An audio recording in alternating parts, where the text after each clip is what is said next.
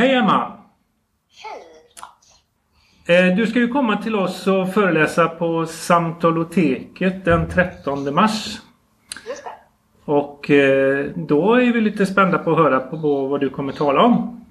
Ja, precis. Jag sitter och funderar fortfarande på vad jag ska prata om som passar eh, med er. Men eh, något som jag funderat väldigt mycket på på sistone det är ju just hur vi når ut med nyanser i dagens samhälle. Det känns som vi lever i en tid, eh, ibland så pratar man om så kallad, så kallad uppmärksamhetsekonomi där eh, alla på något sätt slåss om vår uppmärksamhet och den som når igenom bruset är vinnaren. Och tyvärr så tror jag att det här är någonting som premierar eh, onyansering och kanske tvärsäkerhet. Eh, trots att jag då tror att det är väldigt viktigt med nyanser eh, och eh, en ödmjukhet eh, som jag också tror försvinner. Att de människorna som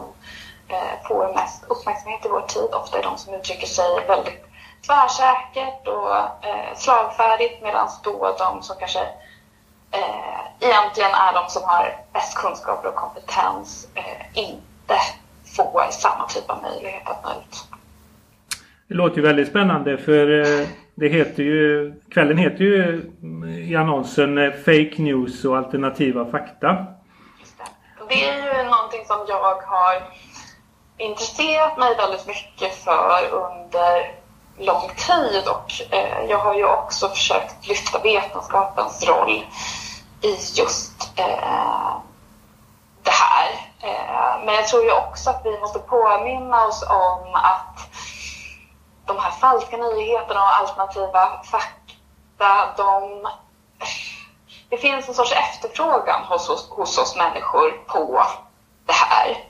Det är väldigt lättillgängligt för våra hjärnor, det är väldigt tilltalande för oss också. Så att vi, man pratar väldigt mycket idag om källkritiken, men jag tror ju också att man måste reflektera väldigt mycket över sin egen benägenhet att tro på olika saker. Och det här är ju också ingenting som bara liksom är riktigt för människor som man själv anser är dumma, utan det här är någonting som man måste påminna sig själv om hela tiden. Hur lätt det är att tro på saker som inte stämmer, särskilt när det är sånt som bekräfta det man redan tror eller det man vill tro. Mm. Mm. Eh, det är väldigt spännande. Det är nästan som eh, ja, det är, att läsa dina artiklar. Då man blir väldigt sugen på det när man har läst dem. Sådär, så att, och då kan man ju fråga sig, har vi svårt att vara objektiva? Och har vi som eh, du varit inne på någon där mm, det här med rationell, att vara rationell, att det, vi kanske har en övertro på det. Är det så? Ja, alltså jag tror att människor i, i viss mån är rationell såklart. Eh, annars skulle vi liksom inte ha överlevt. Så, så vi är ju tänkande varelser. Men sen så har vi också vissa typer av eh, svagheter i vårt mänskliga psyke. Och jag tror ju också att vi lever i, i en tid där de här svagheterna utnyttjas väldigt mycket.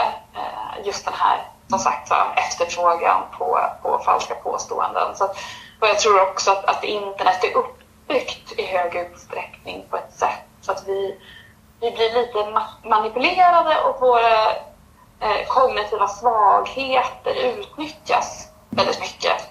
Det, det, jag tror att det är lättare än någonsin att gå i de här tankefällorna.